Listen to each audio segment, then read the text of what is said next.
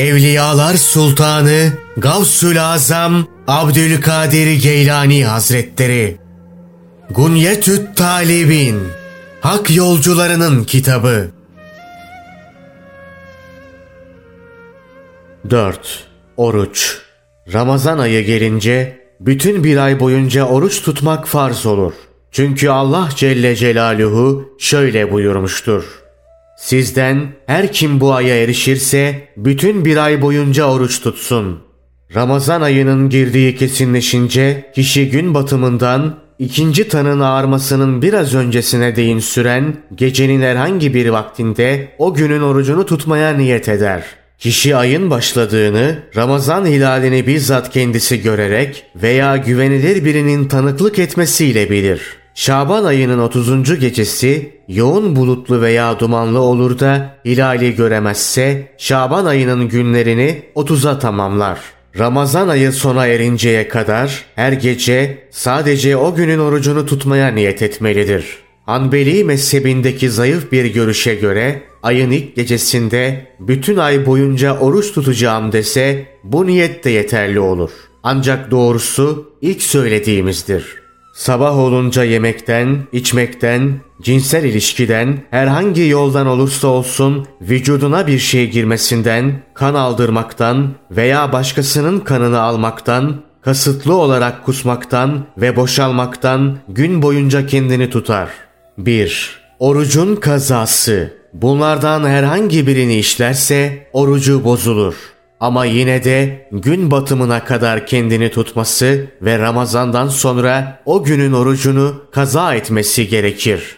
2. Kefaret Orucunu cinsel ilişkiye girerek bozmuşsa bir de kefaret ödemesi gerekir. Kefaret, hizmet etmeye engel bir kusuru bulunmayan mümin bir köleyi azat etmektir. Azat edecek kölesi olmayan kişi aralıksız iki ay oruç tutar. Buna da dayanacak gücü olmayan kişi ise 60 fakiri doyurur. Onlardan her birine bir müt yaklaşık 500 gram buğday verir. Müt Irak rıtlı esas alındığında bir rıtıl ve bir rıtlın üçte biri kadar olan bir hacim ölçüsüdür. Bu da 173 dirhem ve bir dirhemin üçte birine denk gelir. Ya da yarım sağ hurma veya arpa verir.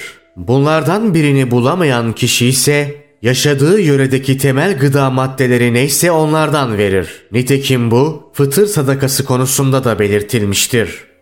3. Oruçluya mekruh olan davranışlar Kişi Ramazan ayında oruçlu olduğu sırada eşi veya yakın akrabası da olsa genç bir kadınla yalnız kalmaktan ve onu öpmekten kaçınmalıdır. Öğleden sonra misvak kullanmaktan, sakız çiğnemekten, tükrüğünü biriktirip yutmaktan, yemek pişirmekten veya başka bir iş yaparken bir yiyeceğin tadına bakmaktan, dedikodu etmekten, söz taşımaktan, yalan söylemekten, sövmekten ve bunun gibi kötü davranışlardan da kaçınmalıdır. 4. Oruçluya müstehap olan davranışlar Orucu gün batar batmaz açmak müstehaptır. Ancak bulutlu günlerde biraz geciktirmek daha iyidir. Sahuru geciktirmek müstehaptır. Ancak sabah namazının vaktinin girdiğini bilemeyen kimselerdense geciktirmemelidir. Orucu hurma yiyerek veya su içerek açmak ve orucu açarken dua etmek güzel olur. Hazreti Muhammed sallallahu aleyhi ve sellemin şöyle buyurduğu nakledilmiştir. Orucunuzu tutup önünüze akşam yemeği konduğunda şöyle dua edin. Allah'ın adıyla Allah'ım senin için oruç tuttum. Senin rızkınla orucumu açtım. Sen her türlü eksiklikten uzak ve bütün övgülere layıksın. Allah'ım orucumuzu kabul eyle. Sen duyan ve bilensin. 5. İtikaf Oruç tutan kişinin itikafa girmesi müstehaptır. İtikaf ancak cemaatle namaz kılınan bir camide olabilir.